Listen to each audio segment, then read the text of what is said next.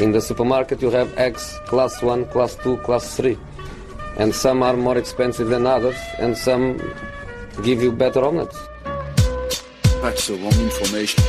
Wrong, wrong, wrong information. I didn't say that. That's the wrong information. Do you think I'm an idiot? Wrong, wrong, wrong information. Now look at me when I talk to you. Your job is to tell the truth. That's the wrong information. Sillypodden, måndagen den 8 januari. Nu är vi igång. Patrik eh, Vi har väl varit Bränning. igång ett tag? Vi har varit igång, men nu är vi igång för idag. Ja, vad snyggt. Och det var någon som missade det. Ja, Ehm, nu har du hittat din infartsparkering och så vidare. nej, Tagit det- till jobbet. Det har jag gjort. Det är ju måndag och om en vecka så är det måndag igen, som vi brukar säga. Ja, du är bra på det här. Ehm, Dig lurar man inte. Nej, eh, vi börjar då med världens genom tidernas näst dyraste fotbollsövergång. Ja, vad tänker du på då? Eh, Coutinho, Jaha. som nu är presenterad och klar, Ja, gjorde sin läkarundersökning för en liten stund sedan. Visade sig trots allt att den här lårskadan var på riktigt. ja Eh. det trodde man ju faktiskt inte. Man var hade ju den där eh, teorin att det var en ny ryggskada om man säger så. Ja, precis. Som brukar liksom läkas med en resa till Brasilien och landslaget. Exakt. Ehm, Ja, men 20 dagar ska han vara borta så att då får vi vänta med att använda sin nya guldklimp. Ja. Eh, sen ska han väl matcha sin försiktigt också. Han får inte spela Champions League och så. så det blir intressant att se hur de gör det. Ja, eh, nej men det är intressant förstås hela den här historien. Eh, Liverpool-supportrar är förstås väldigt, med all rätta, rätt upprörda. Eh, och, Är de verkligen det då? Det känns som det, det blir alltid så här, första ramaskriet, ja vad, vad tråkigt och sen så, sen så, och det ser jag att du och dina Liverpool-vänner på Twitter också gjort, sen gaddar man ihop sig och så kommer man fram till teorier som liksom gör att man lugnar ner sig och tycker att det här är en bra idé. Ja, nej, det är ju inte en bra idé för Liverpool att, att, att släppa Coutinho. Det är det ju inte. Det, var ju, det är ju dåligt för Liverpool. Eh, det kommer man ju aldrig kunna komma ifrån. Men frågan är om det var undvikligt eller inte. Om alternativet hade varit ännu sämre. Om man stod mellan två dåliga val helt enkelt. Eh, för jag tror, och det som många missar här, för många sitter och är supportrar eller så är man eh, journalister och så är det, ja men du vet, jag tror man missar en sak här och det är liksom ett, ett arbetsgivar-arbetstagarperspektiv i den här frågan där eh, Coutinho ingår i en grupp och du vet ju själv, eller vet ni allihop som lyssnar, ni som har jobb, vilket jag i alla fall eh, skulle tro är en klar majoritet, några går väl i skolan också kanske. Men man, en arbetsplats är ju en eh, speciell varelse nästan där eh, de anställda har en relation till sin, till sin chef, till sin ledning, till sitt företag eller myndighet eller vad det nu än är.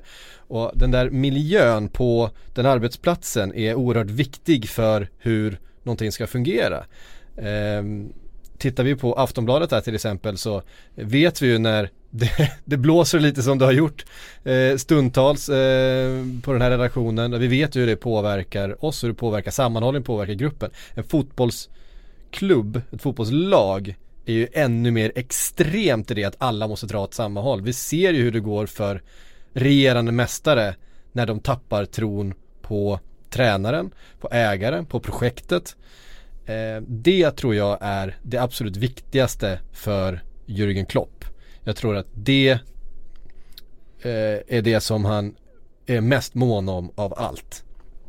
Eh, och det tror jag han såg var hotat när först Coutinho då inte fick sin transfer i somras var ju oerhört besviken över detta. Du påstår att han klev in i omklädningsrummet där under sommaren och, Och, sa att han skulle lämna. Ja, tog farväl av sina lagkamrater. Ja. Eh, och, och var helt, jag menar han sålde sitt hus, han sa upp, eh, du vet, dagisplats för sin ba- barn. Alltså det är ju så, han gjorde ju det i, i somras. Var det jobbigt att komma in i bostads, eller dagiskön där igen? Är du medveten om det? Det är ju jävla här, helvete i Stockholm tydligen. Så att, men hur gick till för Coutinho där? Ja, eh, Nej Filippe, nu står du längst bak här. Det är 417 barn före dig i det här området här. Det, det blir hemskolning. Och jag tror nog, jag menar de övriga spelarna i laget, jag menar de ska skriva på, de ska förhandla med, med, eh, med Klopp och med ledningen om sina kontrakt löpande framöver. Det ska Mané göra, det ska Firmino göra. Eh, Kommer och, Salah också vilja göra. och Salah kommer vilja göra det. Vi har sett Emre Can, det har inte lyckats och så vidare. Eh, Det är oerhört viktigt i det här skedet i ett lag som Liverpool som inte har liksom Manchester City-pengar, kan betala eh, astronomlöner eh, och så vidare. Eh, att man blir någonting annat och det är precis det där som Liverpool kanske inte har varit en klubb som, eller som till viss del varit då, en, en klubb som folk vill gå till och folk vill jobba i och folk vill vara i. Det är oerhört viktigt att den där sammanhållningen och den där stämningen, att det inte knorras i omklädningsrummet och i leden. Och jag menar, det är ju ändå trots allt, Filippe Coutinho har varit här i fem år, det är ändå hans kompisar. De ser hur han inte fick det han verkligen ville. Nu ska vi komma ihåg att Barcelona var ju inte beredda att betala det priset som han faktiskt kanske var värd i somras. Alltså de, de eh, var ju uppe och Alltså det var ju mycket fantasiklausuler ja, och så vidare. Det, det beror ju på vad de la, mot slutet av sommaren absolut, då betalar de inte det han var värd. Frågan är om de hade lagt, om de la samma bud i början av sommaren, då kan man hävda att, att han faktiskt kanske var värd just ja. det i början av sommaren, med tanke på marknaden förändras sen när PSG eh, det, det, flyttade upp om allting. Men absolut, mot slutet av sommaren håller jag med om att de betalade för lågt. Och det handlade nog lite om hur Barca sätt att, att sköta det på också. Att, att jo, de, du... de, gjorde, de gjorde Liverpools ledning förbannade helt enkelt genom sitt sätt att då tappa upp Coutinho. Eh. Ja, och, och på gruppdynamik så påstås det också att eh, just det här när Coutinho klev in i omklädningsrummet och sa till sina lagkamrater att tack nu, nu åker jag till Barcelona, eh, tack för de här fem åren. Mm. Att det också gjorde att, att eh, Liverpool-ledningen satte dem i en position där de inte kunde sälja honom för att det visar ju att, att vilken spelare, alltså om Mané också vill dra så räcker det att han går in i omklädningsrummet och säger tack så, så är det mm. över sen och liksom. alltså det, det, blev ju också en, en, situation där du måste försvara gruppdynamiken åt andra hållet ja. plus att då ägargruppen FSG då också officiellt uttalat att han skulle stanna. Nej, vilket är... var ett problem också för då kan de inte vända efter det. Då tappar ju de sin trovärdighet också. Så de målar in sig lite i ett hörn själva också får man ju säga. Ja, eh, det får man absolut säga. Och det, det var ju en, det är ju en väldigt dålig situation till, alltså från början ja. för, för klubben. Eh, så är det ju. Och ehm, ja, men, någonstans så handlar det om för Klopp och för ledningen att fortsätta ha spelarnas förtroende. Att det inte börjar knorras, fan vad missnöjd han är. Och han har inte fått som han velat. Eh, ja, jag tror det är den där känslan som är den absolut viktigaste för Eh, ja och där måste de ju också försvara två saker. Dels så mm. måste de försvara att eh, om, om du kommer till Liverpool som en ung utvecklingsbar spelare som Filippo Coutinho så ska du också veta att när, när Real Madrid eller Barcelona knackar på dörren då kommer du få gå vidare. Du, du, kommer inte hamna i en bitter strid med din egen klubb. För, för, då kommer det bli svårt att värva den typen av spelare i framtiden. Samtidigt som också måste försvara mot de andra spelarna att de inte är några pushovers. Att, det inte, att, att du inte kan mm. komma in och kräva och få bestämma din egen framtid utan det är klubben som bestämmer över din framtid. Mm. Så det, det är ju två läger där också som måste balans, balansera. Ja, det, det, det var en väldigt svår situation.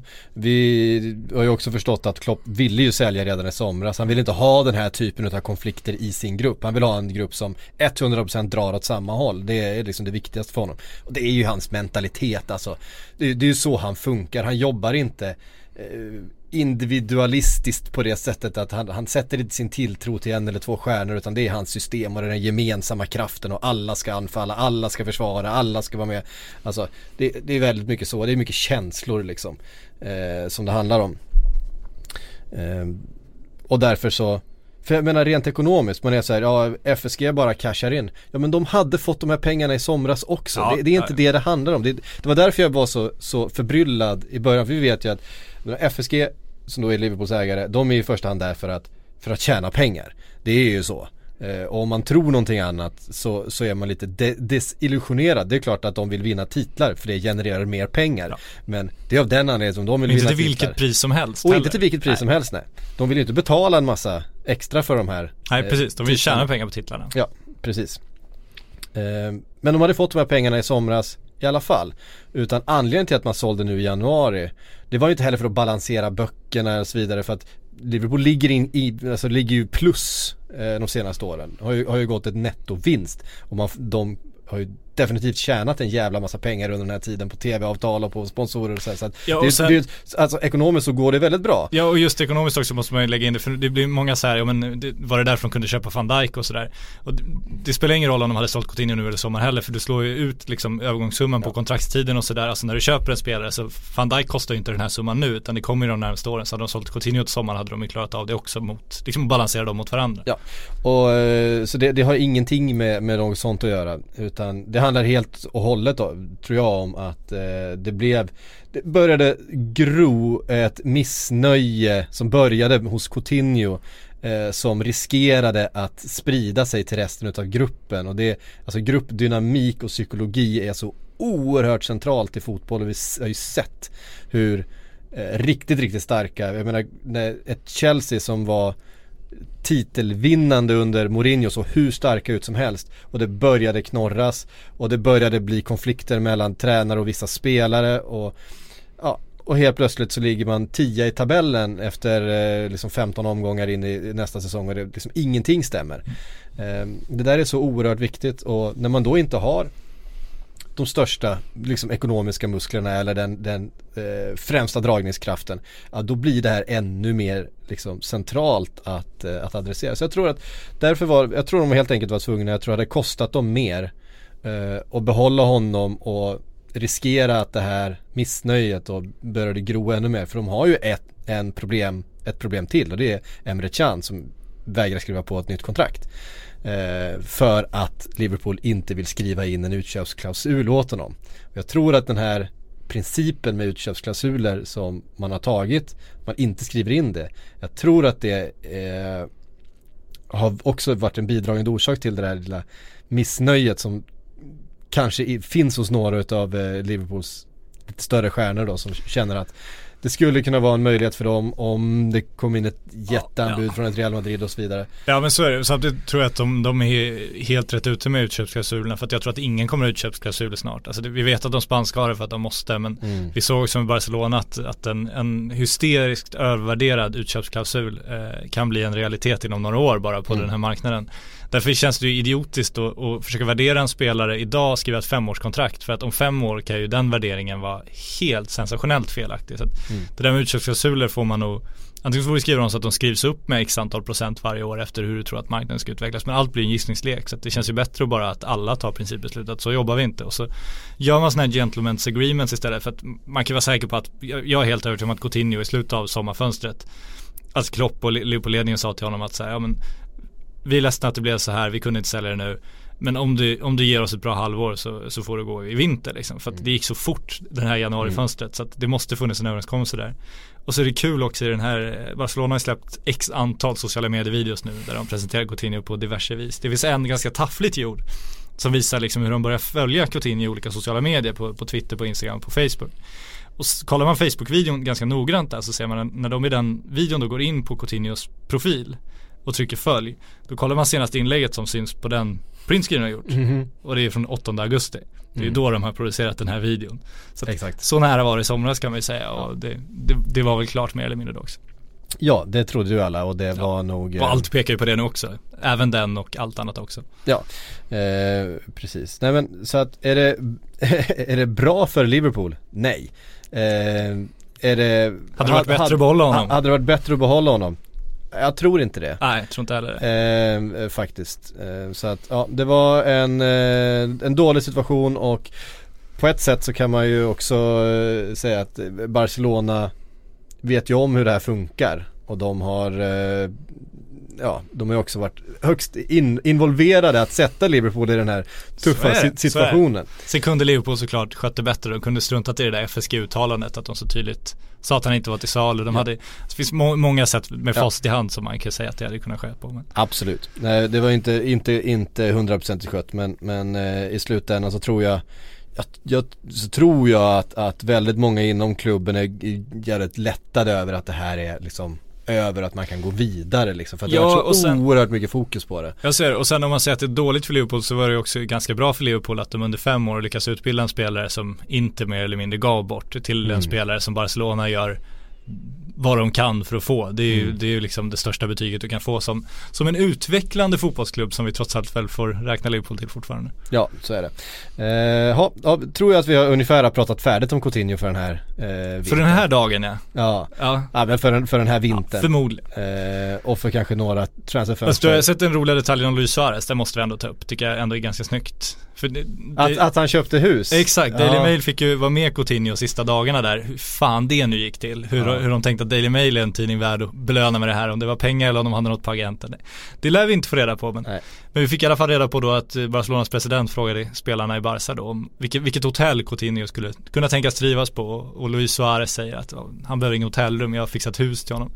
Då var alltså Luis Suarez redan under hösten då blev hans grannhus ledigt. Då har han helt enkelt signat upp det huset i väntan på Han att Coutinho det. eventuellt ska komma. Ja. Han vet ju inte det liksom. Nej. Det vore Aha. kul om han bodde bredvid mig. Fan det blir bra det här. Ja, och de, de, de blev ju väldigt eh, goda vänner i Liverpool och de har ju hållit kontakten, alltså det har vi ju sett. Ja. Och de skickar julklappar till varandra i sociala, alltså du vet sådär. Ehm, eh, så att, han, han är ju en sån snubbe, Suarez. Han är lite galen. Och så Eh, finns det en jävla fördel med att bo i just det där området också. Ja, just det, Messi. Han, han, han har så mycket vakter och bevakning runt i sitt Han har hus. säkrat hela Han har stället. säkrat hela stället. Du Ja. behöver inte betala en spänn själv för bevakning. Nej. Messi har stängt hela området. Ja, han har råd Messi. Han har råd med Han fick 100 miljoner euro va, för att skriva på nytt kontrakt Ja, i en si- sign-on bonus. Så vi tror att Coutinho också har råd, även att det, om det påstås att han då har sagt, eh, eller, ja, avstått 127 miljoner i, i sign-on bonus då så har han väl en 2,65 miljoner kronor i veckan och ska få tillbaka de 127 miljonerna från Nike också så att det ska nog gå för honom också. Ja det får jag säga att de här uppgifterna att han har betalt då 120 miljoner själv Ja nej det är ju det, skitsnack. det stämmer ju inte utan han har avstått en bonus på För de har sagt att ja, om vi ska komma upp i Liverpools värdering då måste vi ta av dina bonuspengar och Då säger han fine, gör det eh, Ungefär så, plus Ja. att Nike går in förmodligen då och, Och och, och, och, täcker upp en del eh, För att Nike lär vara väldigt glada över att eh, Coutinho är där En Nike-spelare i en Nike-klubb, det är ju det Ja. de vill ha. Ehm, och om vi bara ska riva av eh, det som rör den här eh, affären så finns det två saker. Det ena är att Arda Turan ser ut att vara på väg ut för det är väl hans nummer va? Nummer... Ja han har inte fått något tröjnummer än, Coutinho. Han garvar väl när han fick frågan om han ville ha nummer 10. Kan man förstå. Ja. Eh, och Den är svår, den är svårtagen i Barcelona. Den är svårtagen. Han sa att han skulle, han, han tar vad de än erbjuder honom men de borde redan erbjudit honom någonting om det inte är Ja. någon på väg ut. Så det är väl sjuan, Arda Toran, som ska sitta på Coutinho. Yes. Ehm, och Arda Turan som ehm, ryktas till eh, Istanbul BB bland annat. Mm. Ehm, men också MLS och lite allt möjligt. Det, det var en karriär som inte riktigt mådde så bra av den där Barcelona-flytten. För, Ja, det ska bli kul att se vad han värderas till för nu pratas det om 25 miljoner kronor om det är, det är lite oklart om det är liksom en lånekostnad eller en transfer fee eller vad det är men, men han, han var ju rätt högt värderad när han gick från Atletico Madrid till Barcelona samtidigt är han ju Verkligen. 30 år nu, har inte gjort någon succé i Barcelona Alltså Barcelona var ju så var ju så eh, peppade på att köpa honom så de köpte honom under sitt transferförbud och lät honom sitta bara för att ingen annan skulle få honom. Så, alltså, så angelägna var de ju om att få hans signatur då. Ja. Sen har han ju knappt liksom gjort har någonting för klubben. spelat, känns det som. Nej.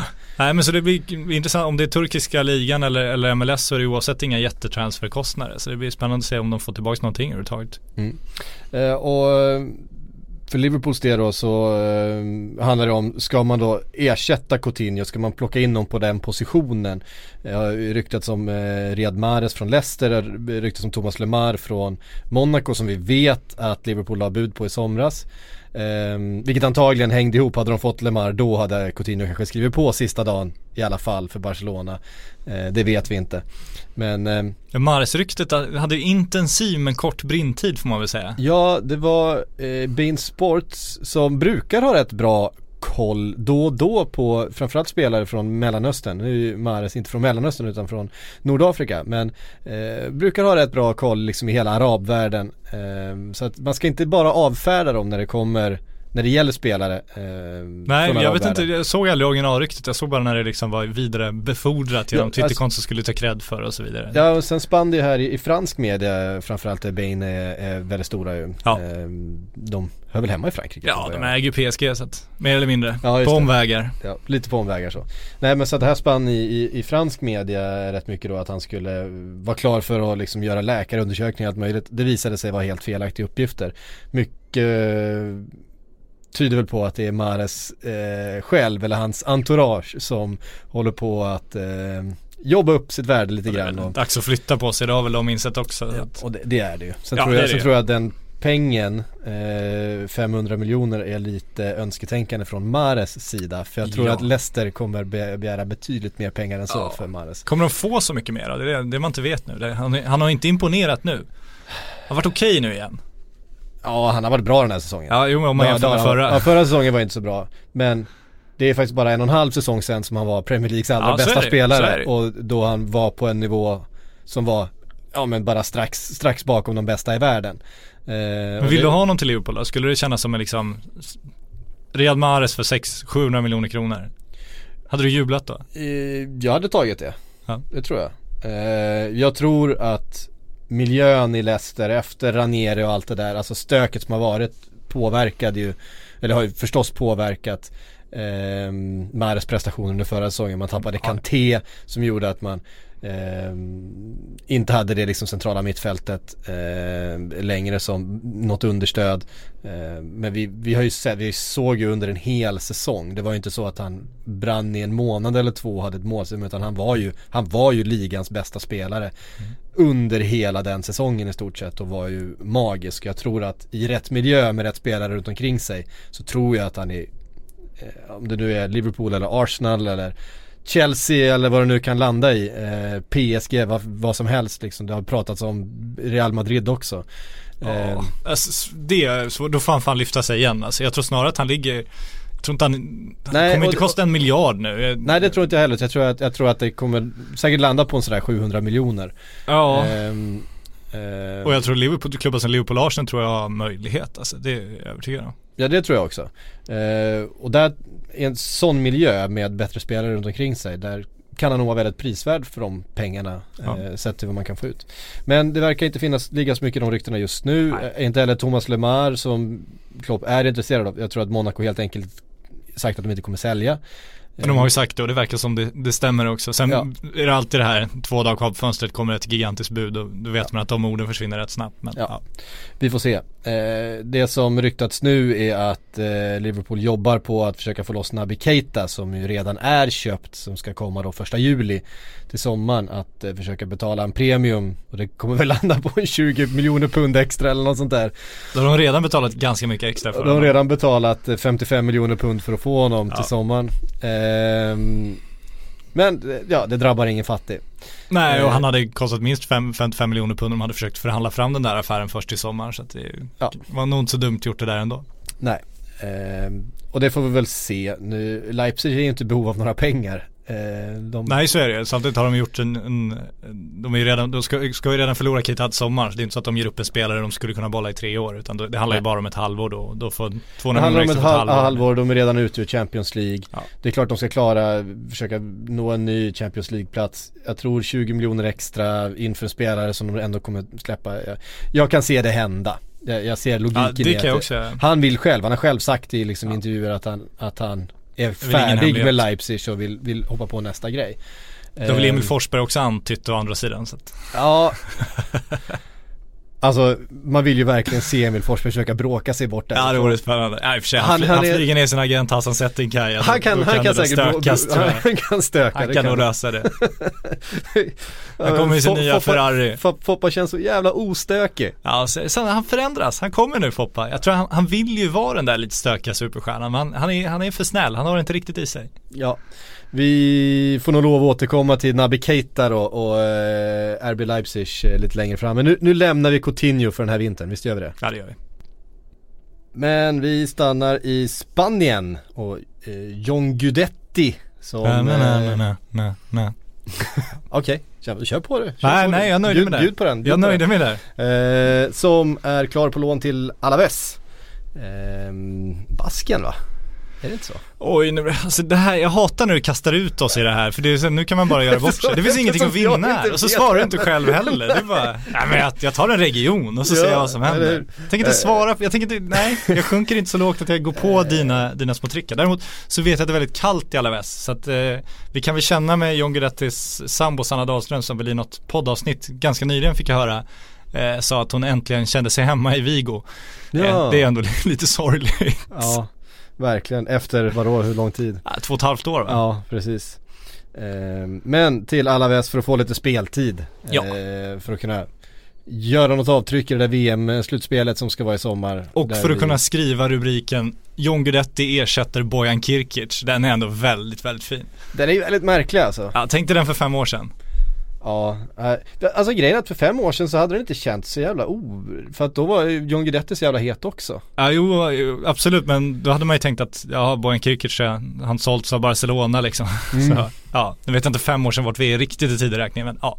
Ja, nej, men eh, intressant. Två eh, väldigt eh, hippa spelare en gång i tiden. Ja. Ja, två väldigt speciella karriärer. det får man också säga. Eh, men det, det känns som ett rimligt, rimligt drag för eh, Guidetti. Han behöver speltid.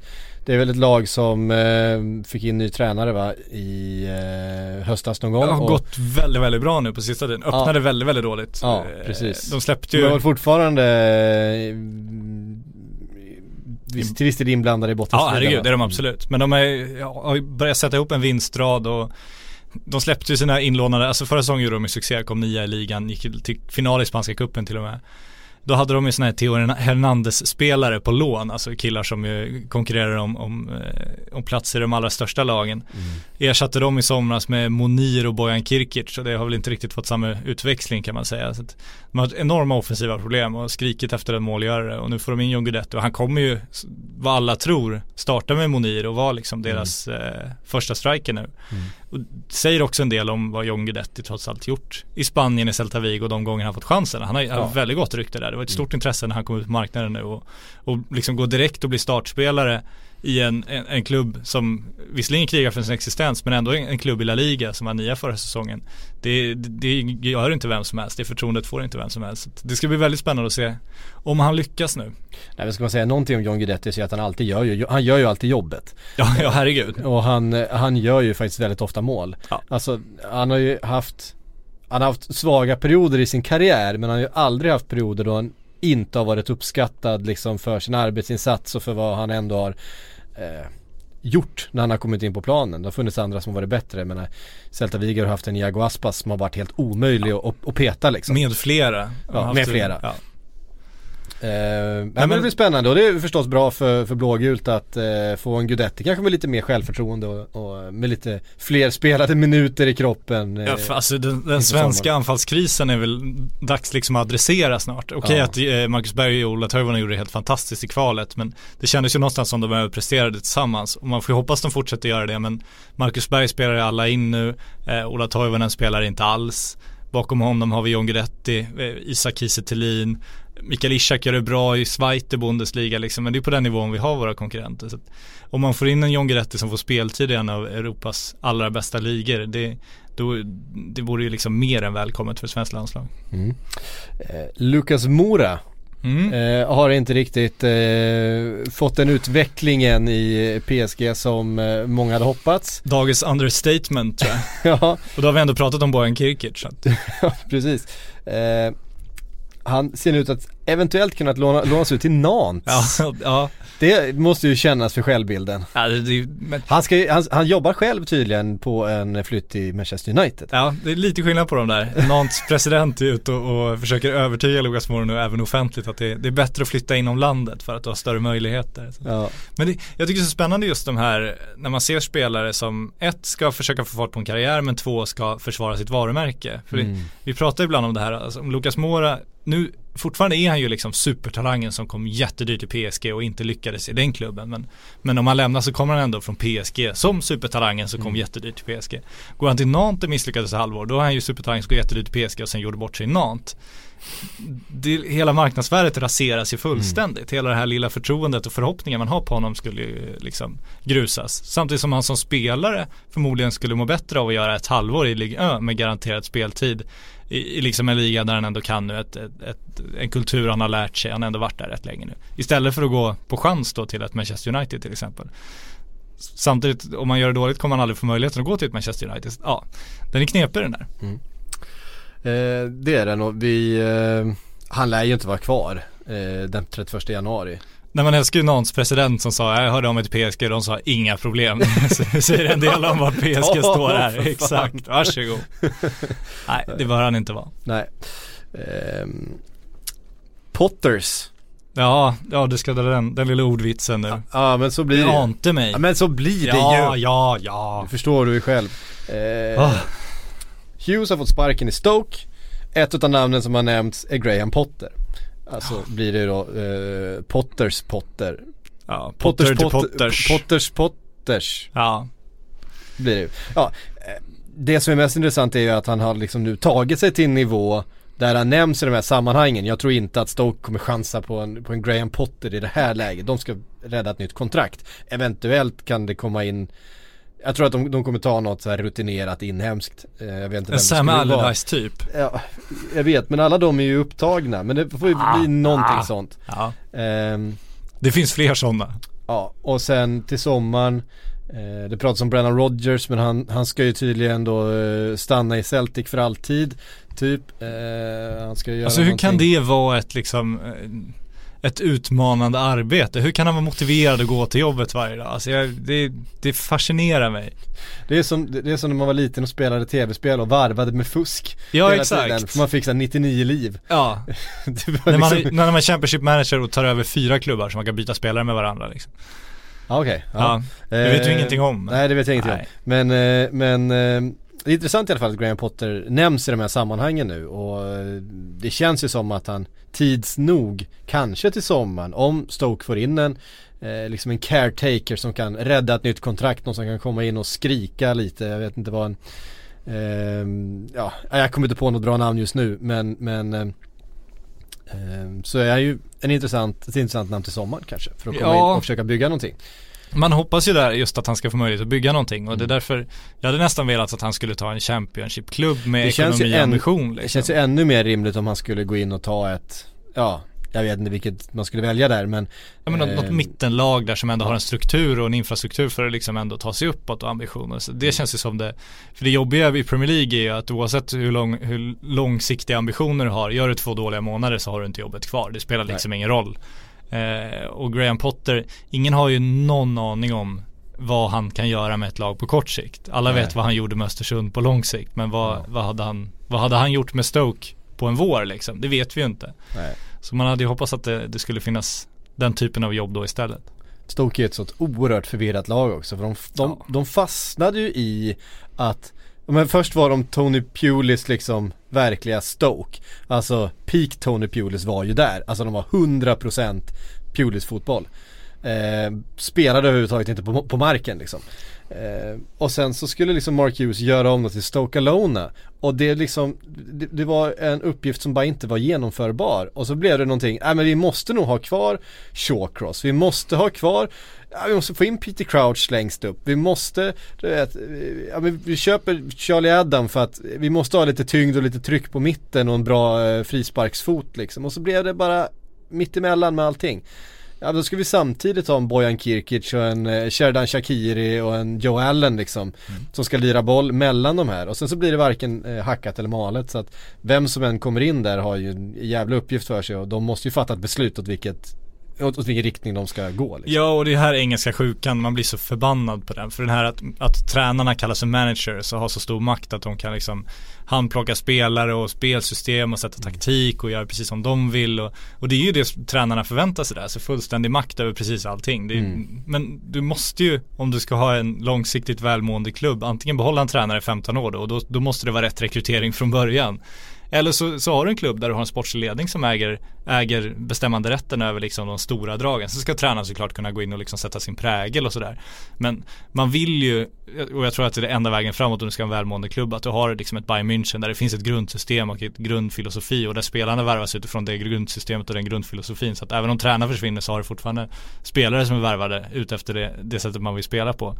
Det gör man inte i England och det kostar ju. Mm. Ehm, Manchester United kommer värva lite spelare den närmsta, Du tror det? närmsta tiden. Jag är inte säker på Jag att tror de kommer- växlar om och blir en fostrande klubb nu. De går bara på akademin. Jag tror inte att Kanske att det kommer hända så mycket i januari, vi får väl se. Men eh, de kommer ju börja lägga eh, grunden för en ny investerings eh, i sommar. José Mourinho har de inte annat redan börjat lägga grunden för den med sina uttalanden. Han börjar sätta rätt hård press på klubbledningen att öppna den plånboken. 300 miljoner pund räcker inte. Nej, han vill ha mer. Ja, det, och det kommer han få. Ja, jag vet inte om man får mer än 300 miljoner pund i sommar bara i övergångskostnader. Det tror jag inte riktigt men vi får se. Ja, det skulle i och för sig kunna hända. Vi får se, vi får se. Ehm, ett namn som eh, har nämnts, nämndes hela, hela förra sommaren, eh, hände inte då, det var Antoine Griezmann. Eh, som sen nu ryktades till eh, Barcelona och det skulle vara liksom antingen Griezmann eller Coutinho. Eh, Ja, var det så? Ja det, lite, det var ju så det kommunicerades att Barca hade inte råd med båda två. Att det, var, det blev eh, mer pengar än vad Barca hade. Sen, alltså någon gång måste ju Barca också ta tag i, i sitt jävla lagbygge. De kan ju inte köpa en Griezmann för vadå 1,1 ja, en, en och en halv miljard till. Och fortfarande ha den backlinjen och det mittfältet liksom. Det, Ja, det är det här som är så fascinerande. Man satt och kollade på dem igår och tänkte att de ska har ju spelare där uppe för fan. Ja men så är det och där ska, de spelar ju för sig utan någon slags vänsterytter överhuvudtaget igår kan man säga. Jordi Alba fick hela den kanten. Mm. Och kostar fortfarande på sig att ha två väldigt defensiva mittfältare eh, igår i alla fall i Rakitic och Paulinho. Men man satt ju där och funderade, vart ska Coutinho in? Och han ska ersätta Iniesta. Ja, men Iniesta är 33 år, det påstås att de ska göra något livstidskontrakt. Han, Han har väl redan ett livstidskontrakt? Ja, så kan det vara till och med. Han kommer ju vara kvar en, två år till. Ja, men då får de rotera. Ja, det får vi väl se hur det går med det. Eh, och sen har man då Griezmann. Jag tror fortfarande att de håller på, att det är någon slags dröm att de ska få in honom i sommar. Det känns som det fortfarande är tanken. Eh, och då är absolut den där vänsterkanten är öppen. Eller är det Suarez som ska bort? Eller ja, det finns mycket att fundera på. Samtidigt som Sergio Roberto får eh, agera högerback i väntan på att Nelson Semedo ska bli tillräckligt bra. Samtidigt som igår så spelade ju Thomas Vermaelen eh, mittback tillsammans med Mascherano var det väl. Det var bland det trögaste jag sett. Sen har de ju Umtiti och Gerard Piqué men bredden där är ju inte superbra. Ja. Det behövs göras väldigt mycket på andra håll i Barcelona och det är mycket som är Börjar bli gammal. Ma- Mascherano kommer inte vara kvar speciellt länge. Nej. Han kan försvinna redan nu i januari. Piqué är inte heller i liksom sin prime. Hur gammal är han? 30? Kanske, jag vet inte. något något sånt. sånt. Ja. Umtiti väldigt bra dock. Är väldigt bra. Eh, det var en investering de gjorde förra sommaren va? Ja, Ehm, och sådär. Nej men det, det är klart att det fattas rätt mycket på andra po- positioner. Jag tror att det här öppnar, och det har pratats rätt mycket om eh, att Griezmann till United nu är on igen. Och eh, Daily Mirror skriver om en veckolön på 4,5 miljoner kronor som ska presenteras för Griezmann för en övergång i sommar. ja. Då ska han in i det laget också. Ja det blir ju på bekostnad utav eh, vår, vår store svensk. Ja, ser det. Samtidigt har han ingen startplats nu heller. Så att, Nej. Eh, Ja, och det, det är lättare att få in Griezmann i United än i Barcelona just nu känns det som. Samtidigt som ja, han skulle gå in i absolut. Barcelona också men frågan är vem som skulle få flytta på sig. Ehm, det, det är lättare att flytta på Lukaku än på Suarez. Så är det ju. Eh, helt klart. Men eh, United sägs också vara intresserade av Özil som ju sitter på utgående kontrakt. Det har pratats om 35 miljoner pund för en övergång redan nu i januari därför att eh, enligt då eh, nu ska vi se, hur säger man? Le Ten Sport i Frankrike Japp. så Ja, hur säger man? Hur säger man 10 på franska? Fan jag håller på att lära mig franska. Har Det, det, inte en aning här. Nu kastar du ut de här konstiga frågorna igen. Ja. Ah, skitsamma. Eh, det borde, borde jag kunna eftersom jag, eftersom jag, eftersom jag tar fra, franska lektioner så borde Gör jag kunna det räkna till alltså? 10. Ja, typ. Hade du varit fotbollsproffs hade ett sillrykte blossat upp om du hade lagt ut det på sociala medier. Det kan jag säga. Malcolm, i bara, eller Bordeaux eh, tog ju engelska lektioner nu. Det tog ju bara några minuter innan det stod i brittisk press att han var i Premier League. Ja. Men det irriterar mig att jag, jag bara kan två språk. Eh, jag lärde mig aldrig varken tyska eller franska i skolan. Nej. Eh, jag tänkte att jag skulle, börja, skulle åtgärda det och lära mig till franska. Eh, skitsamma. 30-årskris, en försenad sådan. Men ja, oavsett. Det blir väl en 40-årskris då Så är det. istället va? Altan har 30-årskris. det tror jag. Ja, kanske det. Ehm, nej men att eh, Mourinho helt enkelt ska vara bekymrad över att PSG och även Juventus pratas det om ska då eh, glida in och försöka sno åt sig Özil i sommar när han blir gratis. Vi vet ju att Ju- Juventus kretsar ju runt allting som är gratis. Ja, så är det ju. Eh, de älskar ju sina gratisvärvningar och har ju fått ihop ett eh, ganska hyfsat lag på att eh, betala rätt lite. Han borde vunnit CL-titeln förra året, tycker jag fortfarande att de borde ha gjort. Tycker att de var, var lite huvudlösa i finalen. Ja, de, de vek ner sig lite. Ja, kan man eh, säga. I, I den pressen. Ja. Ehm, Det var ju den match Buffon helst av allt skulle spela om från förra året också. Hellre än VM-playoffet mot Sverige. Där tycker jag ändå att de hade, de hade inställningen och taktiken med sig. Det, det var bara liksom ett, att ibland misslyckas du. CL-finalen däremot, där tyckte han att de var, de var helt borta taktiskt. Ja, ehm, och det, det kan man väl hålla med om. Ja. Nej men det är klart att ehm, Manchester United inte skulle ha någonting emot eh, Özil. Men samtidigt så känns inte, jag vet inte. Eh, Özil och Mourinho har historia från Real Madrid och så vidare men ehm, ja. Eh, Ja men varför inte? se. Han gillar, ju, han gillar ju det här lite tröga anfallsspelet Mourinho. Eh, Så att eh, jag tror Mesut Özil skulle kunna göra väldigt bra ifrån sig i Manchester United definitivt och ja det, det är väl en möjlighet Mourinho definitivt ser. Den Mm. kan man se framför sig. I Arsenal då där eh, Özil trots allt spelar fortfarande så eh, är det inga muntra miner. Och nu kom uppgifter om att Wenger faktiskt till slut då ska eh, vara beredd att lämna. Det här är uppgifter från The Sun. Hur kan någon ens, ens bemöda sig och komma på de uppgifterna? Det är, det är klart Wenger kommer klamra sig fast med näbbar och klor där. Ja, eh, det, finns många frågetecken kring Arsenal just nu. De åkte ut mot Nottingham Forest i FA-cupen i eh, går. Eh, efter något av det mest bedrövliga försvarsspel jag någonsin har sett. Alltså det gjordes en jätterolig graf, du såg ju den eh, Ja den har jag sett med, med frisparksmuren eller vad det Ja är. precis, när de ställer upp en, en offside-linje i höjd med, med bollen i en sne, väldigt sned frispark eh, men ställer muren nedanför Ja. sin egen offside, eh, offside-linje Så att Forrest kan bara ställa en gubbe på, på straffpunkten typ och pricka in ett, eh, ett inlägg som han nickar in eh, ah, Det är så P12 eh, nivå ungefär Ja men det, och det är så fascinerande för det, vi pratade om Chelsea och de föll igenom när de liksom, när det blev osämja i truppen. Man ser ju också när, när liksom tron på det, vilket det gör ibland i Arsenal, känns som den, den faller liksom. Att de själva börjar ifrågasätta hur bra de egentligen är och, och det är så fascinerande att se hur skolade fotbollsspelare helt plötsligt tar liksom helt huvudlösa beslut. Eh, Helt plötsligt så känns Jack Wilshere som en av deras viktigaste spelare. Eh, och det, det är liksom den såg man inte riktigt komma för ett år sedan.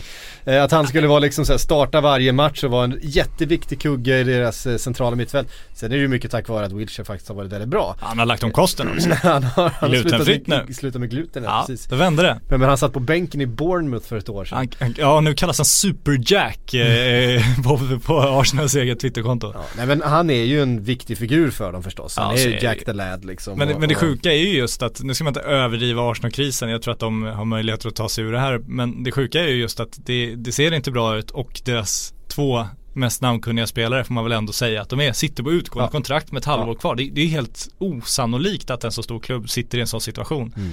Och nu kommer Arsenal-fansen tycka att man, man sparkar på dem och kritiserar dem onödan, men alltså det, är- det, det är helt sensationellt att det ser ut så. Tänk vilken annan klubb som helst, alltså Real Madrid, ja, eh, Ronaldo och Sergio Ramos sitter på utgående kontrakt med ett halvår kvar. Barcelona med Leo Messi och Luis Suarez alltså det finns ju liksom inte. Det är ju helt, att man har hamnat i den situationen är ju sånt bortom eh, allt förstånd.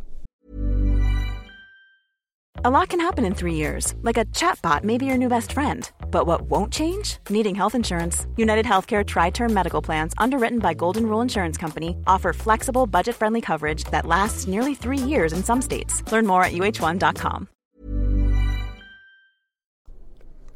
Leon Goretzka. Ja, pratat att du fortfarande stammar på det namnet. Gör Man, det? man tycker, ja men du, där stannar upp, Goretzka, du stannar upp där på ett Jag trodde att det skulle Leon flyta Goretzka. som vatten nu efter den här vintern. Schalke verkar i alla fall ha gett upp eh, kampen om att behålla honom det sista halvåret här. Ja, Han ska vara helt, eh, eller liksom helt eh, på det klara med att han ska lämna och det känns som att det är Bayern München. ja presidenten sa väl nu att eh, han måste bestämma sig nu om han ska acceptera Schalkes nya kontraktförslag eller inte. Man gillar det när liksom Bayern München, ja, mer eller mindre offentligt sagt att de jagar honom, då är det så här, ja, mm, han kommer nog inte ta det där kontraktförslaget. Nej. Förlåt, men det kommer nog inte ske. Nej, han, han måste bestämma sig, det lär bli eh, Bayern för honom och då eh, är ju frågan vad det gör med Bayerns mittfältare som de har där nu då. Ska du flytta på Vidal nu igen? Jag undrar ju vart Renato Sanchez ska in när han, när Ja, han det, kommer det är tillbaks. så du tänker. Ja, det där är ju inte, apropå Bojan Kirkic.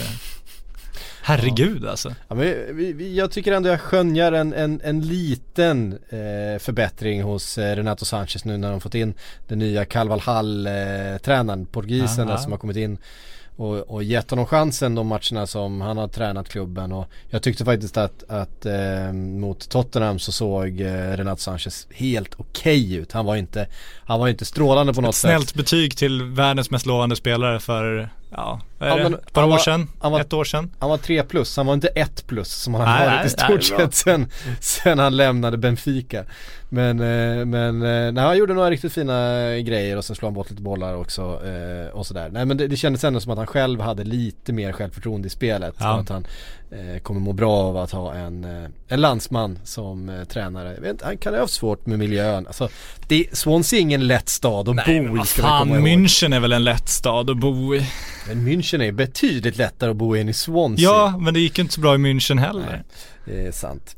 Eh, Men han känns som en självförtroendespelare om man ska dröja sig kvar vid honom. Alltså det känns som, när han var så bra i EM och sådär var det ju för att han, det kändes som han var helt övertygad om att liksom ingen skulle ta bollen från honom. Det, det var liksom otänkbart. Han spelar med oerhörd eh, pondus då. Och vilket lugn och allting. Och då blir det, direkt när han börjar ifrågasätta sig själv kan man ju tänka att om, om liksom en tiondel av det där försvinner då är ju hans största tillgång borta. Så att Mm. man kan ju förstå att det haltar lite då men Ja. Nej men den som det har pratats mest om är Arturo Vidal. mm. Kom dit ändå. Jag kom dit till slut. Ja, jag då. förstod det. Eh, och då är väl frågan vad, eh, vad som ska bli av honom. Eh, blir han kvar? Kommer Goretzka till sommaren eller kommer han nu? Vad tror du?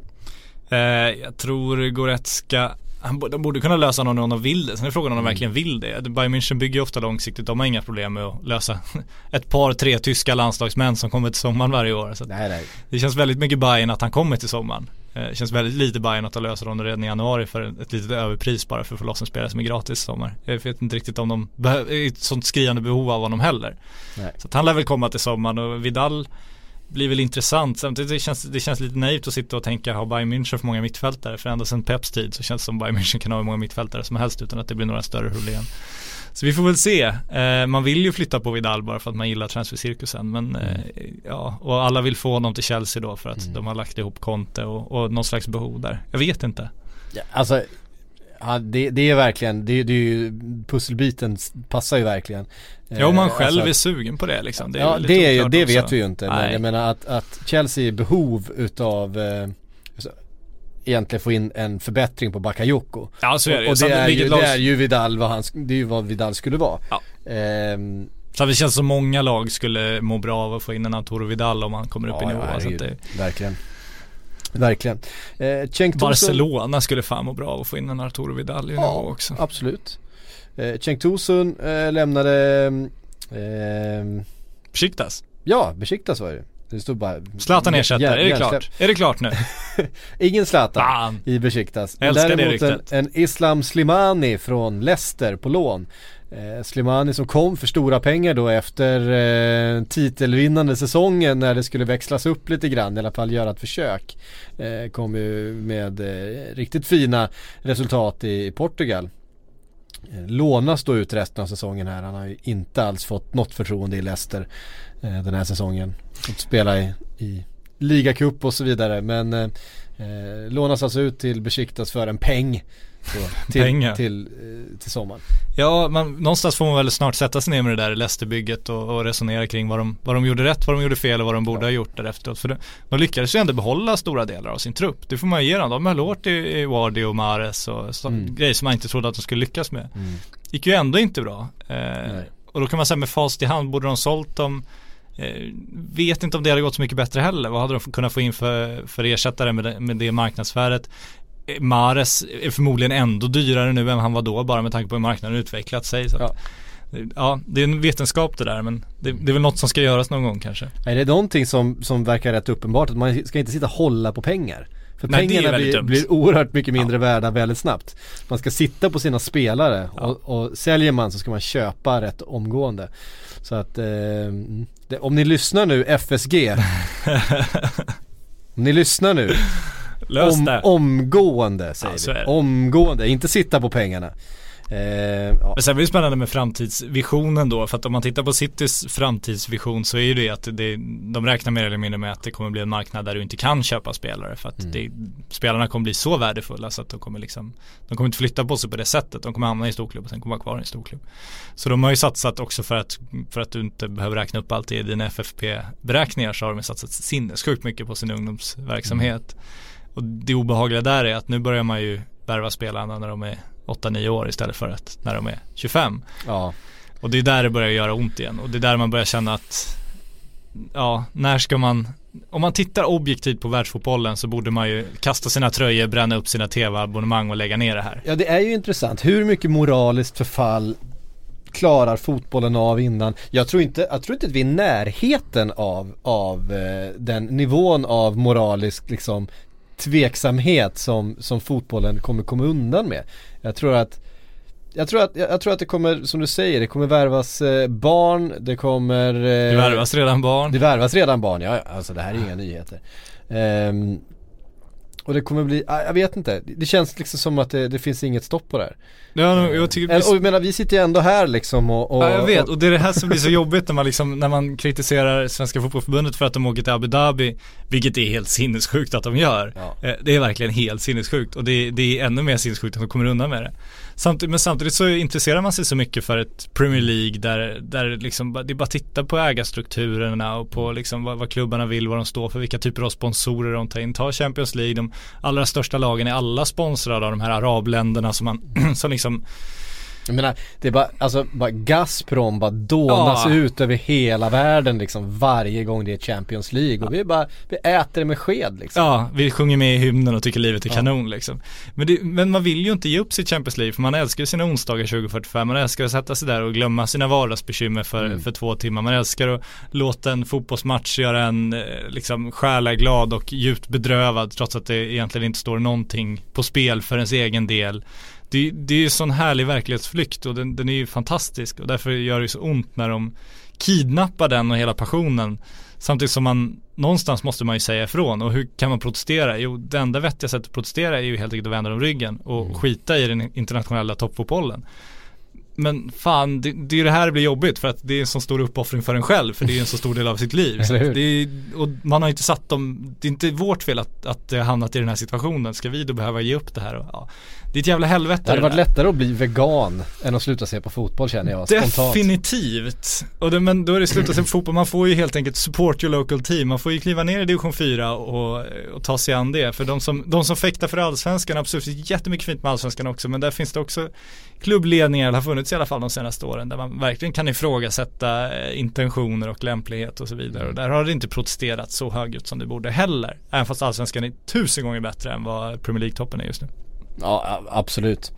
Ehm, bara för att liksom då fylla på så kan vi konstatera att eh, Aubameyang är klar för Guangzhou Nu Evergrande går vi vidare i våra liv. för 70 miljoner. Tänk dig det ska kännas lite så här sömlöst att, att, att gå från den här diskussionen till, eh, till Guangzhou Evergrande och 70 miljoner euro enligt eh, Kip. Ja du får väl inte säga att han är klar riktigt. Du får Nej. ligga lite lågt där, Även eh, Beijing Guan ska vara intresserade fortfarande så att det, det ska finnas någon slags Det här har jag då inte Google translatat utan hela den här artikeln har jag då läst på franska Oj. Jag kan ändå inte komma ihåg vad 10 heter på franska men, Nej, men, men jag har lyckats läsa den på franska men jag har misstänker att jag kanske har fel i några detaljer Så det här Ja. är, det, är på er bekostnad kära lyssnare som Som, du tar dina språklektioner som mina Fy Fan, du lajvar dina språklektioner. Ja det är hemskt Men Aubameyang, om man ska prata om Aubameyang och Kina-rykten och allting, så får man väl säga att de tyska uppgifterna nu är att Dortmund har bestämt sig för att han eh, kommer få lämna i sommar. Samtidigt så hade de bestämt sig för att han skulle få lämna förra sommaren också. Men då kom det inget, inget bud som intresserade både de och honom. Så att, ja, vi får se. Ja, eh, en årslön på eh, runt 18 miljoner euro ska i alla fall vara aktuell från eh, Guangzhou Evergrande det är ju, det är rätt bra betalt. Ja, men ändå inte sinnessjukt bra betalt. Då har det ändå lugnat ner sig lite skulle jag säga. Om det är årslön, Årslön på 18, det är 180 miljoner om året, det Ja. är, eh, vad är det, en veckolön på, jo men hade T alltså 4 miljoner, 400 miljoner om året eller något sånt där. Så. ja, något sånt. Det är ändå väldigt mycket pengar. Ja, ja, ja, herregud, ja, jag sitter inte och, och tycker att det är dåligt betalt, det är inte det jag gör. Men, men den kinesiska marknaden har i alla fall svalnat lite, det är väl ändå känslan. Efter Ja, de här li- lite politiska grann. ingreppen. Ja, precis. De, de satte ner foten. Ja, det gjorde Som de. sagt, det, eh, Partipiskan. ja, precis. Det är effektivt med där. diktatur i alla fall. Ja, brukar säga. otroligt effektivt. Ehm, I Roma är det kris hör du. Ja, Eh, Nainggolan är en stökig figur. Eh, han har inte riktigt betett sig som man ska. Det är inte första gången heller som, Nej. Naing, som Nainggolan eh, visar att det finns mer i livet än fotboll. Men det är intressant, alltså okej att han tar på sig en, en något märklig mask och går och röker och sådär på nyår. Det, det, det är väl vad det är, men att han, att han filmar och, och, och lägger ut det, alltså det, men det, hur går tankeprocessen där? Nej men vad fan, det här blir en rolig video, det här, här blir kommer gå bra. Alltså, Här kommer, det här kommer landa. jag älskar det, jag tänker alltid på, eh, vi har en kollega som heter Emil K. Lagnelius, han hade en, en kompis som spelade fotboll i Superettan tror jag han var på till och med, eh, som sökte till Bachelor, svenska Bachelor. det, det finns, och det finns en på den här redaktionen som har en kompis som Så är det Emil K. Lagnelius, så är det. Ja men han ska vara med i Svenska Bachelor, så han försvann från, han, de hade en månads semester eller några veckor och sådär. Sen uteblev han när, när, när liksom laget startade om för att inspelningen pågick ju fortfarande. Då hade han någon ursäkt till laget att sådär, men det är därför jag är borta så att jag kommer lite sent. Och det, det, det godtogs väl så. Sen kommer det fram då att han är med i Svenska Bachelor. Det, det är väl lite ofrånkomligt att det gör det eftersom det kommer ju, kommer dels kommer det affischer och lite reklam och sen kommer det någon slags tv-program tydligen när man är med i Svenska Bachelor också av någon anledning. Och då ser ju klubben, men du var ju inte alls det då, du var ju med i Svenska Bachelor. Och så då ringde jag honom och gjorde, gjorde en artikel på det här och, och så liksom så här, men jag måste, det är en ofrånkomlig fråga så här, hur, tänkte du egentligen? Trodde du inte att klubben skulle få reda på det? Alltså, ja men du vet, det här med konsekvenstänk det är ju inte riktigt min grej va. Det är så fantastiskt resonerat. Man älskar den typen av livsinställning och jag tror att, eh, Ja, ja, skönt. vad skönt. En Nangolan är väl någonstans i den kategorin också tror jag. Eh, absolut, och då eh, med tanke på då att Roma dessutom har en del andra problem, dels sportsligt så går det inte, de fick stryka av Al- Atalanta. Eh, han är väl nere på en femteplatsen och sådär nu efter att ha börjat säsongen rätt bra. Eh, det, finns, det är en minikris på planen men det finns också lite ekonomiska bekymmer utanför den. Redan i somras så såg vi, de släppte Sala, de var tvungna att balansera böckerna för ett, eh, ja sista juni var det då. Igen står Monchi här, nya sportchefen då, eh, och har Kommer kanske tvingas sälja spelare framöver, kanske redan nu i januari. Eh, och då är det Kevin Stråtman som eh, nämns i en artikel eh, nu. Eh, både United och Chelsea sä- sägs följa utvecklingen här men eh, det är klart, Nainggolan har också eh, omnämnts, det har pratats om flyttar till Kina, det har pratats om Chelsea där också. Chelsea ska ju ha alla centrala mittfältare. Så är det. Eh, Framförallt på Serie A eller med Serie A-koppling. Ja, exakt. Eh, men också pratats om att en sån som Lorenzo Pellegrini, unge U21 landslagsmannen som de inte vill sälja men har en utköpsklausul då på 35 miljoner euro. Eh, eventuellt kommer, eh, kommer gå till sommaren. Så det är lite stökigt i Roma kan man säga. Ja, Det också, de har satt upp en hel rad, eh, Gonalons och så vidare, spelare på, på marknaden som ska vara till salu då. Men Monchi behöver pengar för att kunna göra någonting. För vi vet ju att han är en skicklig sportchef och att han har bra öga för, för fotbollsspelare. Men utan pengar i den här fotbollsvärlden då kan det gå ganska snabbt utför för det här ändå väldigt välbyggda Roma. Ja, det är där man är orolig för hela Serie A. Där har vi, vi har ju tjatat om den här arenakrisen i x antal år. Men även om man tittar i hela, hela infrastrukturen och hur klubben är uppbyggd och allting. Vi, vi nämnde bara i förra podden tror jag att Bayern München nu hade rotat hem 40% av sina intäkter den digitala vägen. Ja. Eh, om du tittar på Italien så är det ju bara Juventus som ett löste den där arenakrisen och två, sen fick de väldigt mycket skit när de designade om sitt klubbmärke. Men det var ändå ett, liksom man kan älska det anrika och det, jag tycker klubbmärken ska man inte tafsa på men man måste ändå någonstans applådera att de försöker förnya sig och ta sig an tiden för att annars kommer de bli frånsprungna. Men tittar man bakom dem så känns det som alla klubbar pekar på sin stolta historia snarare än att presentera sina fantastiska framtidsplaner. Och det, det är ju väldigt så historiskt betungat Serie A på alla sätt och vis och man blir orolig för att eh, i den här världen när PSG tar in varenda marknadsanalytiker som finns eh, och liksom bygger hela den fotbollsklubben den vägen så känns det som Serie A fortfarande hoppas att de gamla italienska direktörerna ska, ska lösa det där och det, det kommer de inte göra. Nej, och, och men alltså det är, det är pengarna som, som styr. Ja och de Eh. måste in, de måste in och de kan inte bara komma in från Italien utan du måste bygga Nej. det globala varumärket och de har ju potential i, i sina klassiska storklubbar. Eh, Historien gör ju att de finns en sån enorm potential men, men om man tittar på liksom hur, hur marknadsarbetet ser ut idag så känns det ju inte som Serie Ja, A-klubbarna titta ligger i på dem. framkant. Och titta på vilka varumärken är det Milan? Ja. Det är Inter, det är Juventus. I, I första hand de tre. Sen visst till viss del eh, Napoli och Roma eh, och sådär. Lazio också Och- och- och också starkt. Napoli finns ju med den, hela den här kittlande, liksom hela platsen, hela staden, hela eh, med Maradona-historien. Där finns det ju grejer också liksom. Jag menar, Kalle Corneliusson-historien. Ja, precis. Men mm, Milan har ju nästan straffat ut sig själva. Ja. Eh, de gjorde en jättesatsning i somras. Det har inte riktigt blivit som man hade hoppats. Eh, jag såg en bild på eh, André Gomes eh, som eh, inte fick spela, som vandrade runt efter förra eh, förra hemmamatchen och liksom med träningsoverallen på efter matchen och bara vandrade runt på planen och såg vilsen ut liksom. Eh, det, var, det var en märklig video men, men eh, det är liksom jag vill jag han- hitta han, känner jag. han kom för så mycket pengar liksom Ja. och, och um, det har inte blivit någonting av det och hela det här Milan-projektet som liksom det pratades om att de skulle utmana om scudetton liksom. Och det har inte blivit alls i närheten av vad man hade hoppats så nu finns det stora frågetecken kring den investeringen, var kommer egentligen pengarna ifrån? Ja, den kommer ifrån liksom riskkapitalfonder som mycket väl skulle kunna ta sina pengar och dra lika Det är snabbt. lån liksom. Ja det är ju lån. Ehm, så att ja, det, det, Milan känns som att de är i en, en eh, fruktansvärd situation just nu Ja. faktiskt. Mycket värre än vad de var för ett år sedan. Faktiskt, trots att de på pappret har ett mycket mer intressant lag. Eh, så känns det som att situationen där är, är, är inte alls bra. Ja och den där ägarlösningen just är ju så skakig så att man, eh, Mm. man, ja, man vet inte vart man ska ta vägen med det där riktigt.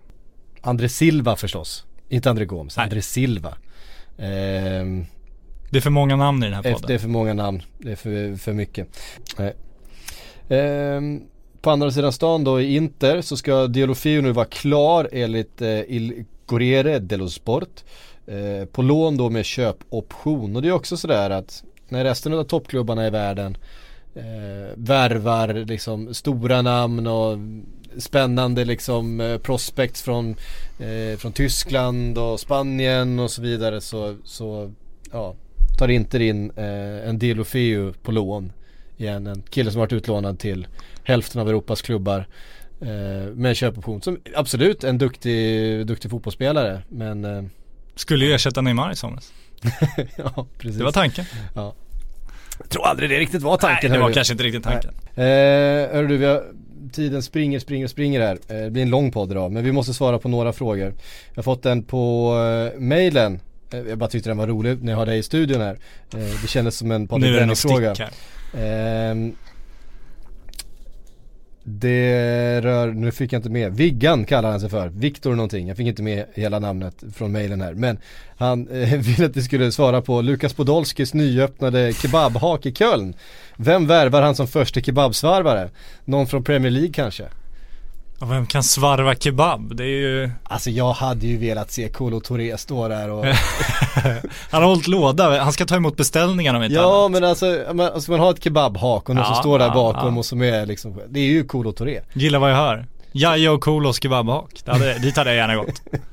Man gillar ju Podolski också när han säger jag är inte riktigt typen som öppnar en femstjärnig krog. Det är Ja. liksom, kebabhake är mer jag. Kebabhak och glass har han öppnat nu i Köln. Ja. Han, han, de kommer bli så feta i Köln tack vare Lukas Podolski. Det är hans sam, samhällsinsats för Köln.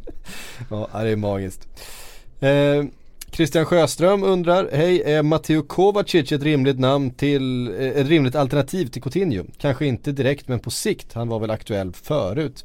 Och ja, han var ju ett sånt namn som eh, när han lämnade Italien eh, Liverpool tittade på, då valde han eh, föga förvånande Real Madrid före före Liverpool. Men har inte fått så mycket speltid där och behöver nog komma till en ny miljö och få en omstart för att få igång den här karriären igen. Ja, drömmen var ju att ersätta stora idolen Luka Modric Mm. där och så länge Luka Modric är kvar men, men Luka Modric spelar ju fortfarande. Ja, han gör är ju det. att- samtidigt, men samtidigt känns det svårt att som att Kovacic skulle, skulle ge upp vänskapen med Luka Modric så länge- Luka Modric är kvar. Och skulle Luka Modric försvinna så öppnas ju platsen vid Kovacic. Så att, jag Ja. vet inte. Det, ja, jag tror att om han skulle hamna på marknaden så vet jag inte om Liverpool skulle ha möjlighet att köpa honom riktigt. Det är lite svårt att värdera vart han står marknadsmässigt. Han var ju väldigt aktad när han eh, kom till Real och det känns som han bör vara det fortfarande. Ja. Eh, fått en, eh, ja, det är ungefär samma Ehm, fråga från två, dels från Viktor Tavitsainen. Eh, vad behöver Arsenal göra för att rädda sitt rykte som storklubb? Sparka Wenger, värva spelare? Skulle vara intressant att höra era tankar. Eh, Kelevra eh, fyller på med och skriver Arsenal, vad händer? Vad borde hända? Vad tror ni kommer hända? Är Arsenal det nya Liverpool? Om svaret är ja, hur hanterar man det rent mentalt för att få vardagen att gå ihop? Och det är bara börja Senare kan ju du svara på Det- sen, du som eh, följt ditt det kära är, bara, det är bara att börja snickra altaner. Eh, exakt. det är, får ut sin ilska i spikar och, och tum. Ja, nej. Arsenal behöver eh, reda ut situationen i, i sin styrelse framförallt med vem som ska styra den här klubben. Eh, för det är oerhört oklart just nu eh, och den, det maktspelet måste någonstans få en lösning. Sen ska de ju börja investera den, de pengarna som de sitter på. De har massvis med pengar i, i Arsenal fortfarande. Jag menar de är en ekonomiskt jätte, eh, jättestor klubb och det är klart att om de bara får löst. Det innefattar nog att sparka Wenger också. Få, liksom få in en ny sportslig ledning men också få in en ny liksom, företagsledning på plats. Och att reda ut den där situationen med, eh, med alla, med Gazidis och, och så vidare. Eh, jag tror det är det, är det som måste hända och det är oklart om det kommer hända. Ja, jag tror precis det. Wenger är ju en dröm för, för ett ägarkaos för att han behåller ju klubben utan, Mm. utan några stora investeringar behåller han ändå de liksom, ja, nästan alltid topp fyra. Eh, så på så sätt är han en dröm, men de har ju tappat kontrollen över både sin klubb och sin spelartrupp nu. Just med tanke på Alexis Sanchez och Mesut Özil. Så På lång sikt absolut eh, få till en, en, en stabil ägarsituation. På kort sikt lös Alexis Sanchez och Mesut Özil. Sälj dem om det så krävs, bara ni själva tar kontroll över situationen och visar att det är ni som bestämmer. Det är liksom, de kan inte bara sitta still och, och låta de där avtalen löpa ut och, och liksom låta så, två så stora profiler spela sina kort hur de vill utan de måste bestämma sig och jag skulle nog hellre riva bort det där plåstret och visa med, med eftertryck redan i januari eventuellt då att ja men skriver ni inte på nya kontrakt så, och ni inte vill spela här så behöver inte vi er. Då är vi, klubben är större än, än vad ni två är. Tack för den här tiden. Ta de pengar man får, använda de pengar man har Mm. och se till att få in bra ersättare. För den status har de fortfarande att kunna ersätta dem med, med bra spelare, så är det ju. Ehm, det ska bli väldigt intressant att se vad som händer i Arsenal för någonting Ja, kommer verkligen, hända. Alltså det, det är ju Ja, det är ju den eh, mest intressanta klubben just ja. nu. Så är det ju tveklöst, alltså om man ser på silly vad som ska ske, då är det ju absolut. Ja, verkligen. Det är faktiskt allting i handen här. Måndagen, vi är tillbaks när ni minst anade eh, igen. Tack för att ni har lyckats, ly, ly, Tack för att ni lyssnat. lyckats. Lyssnat. Tack Patrik för att du kom hit.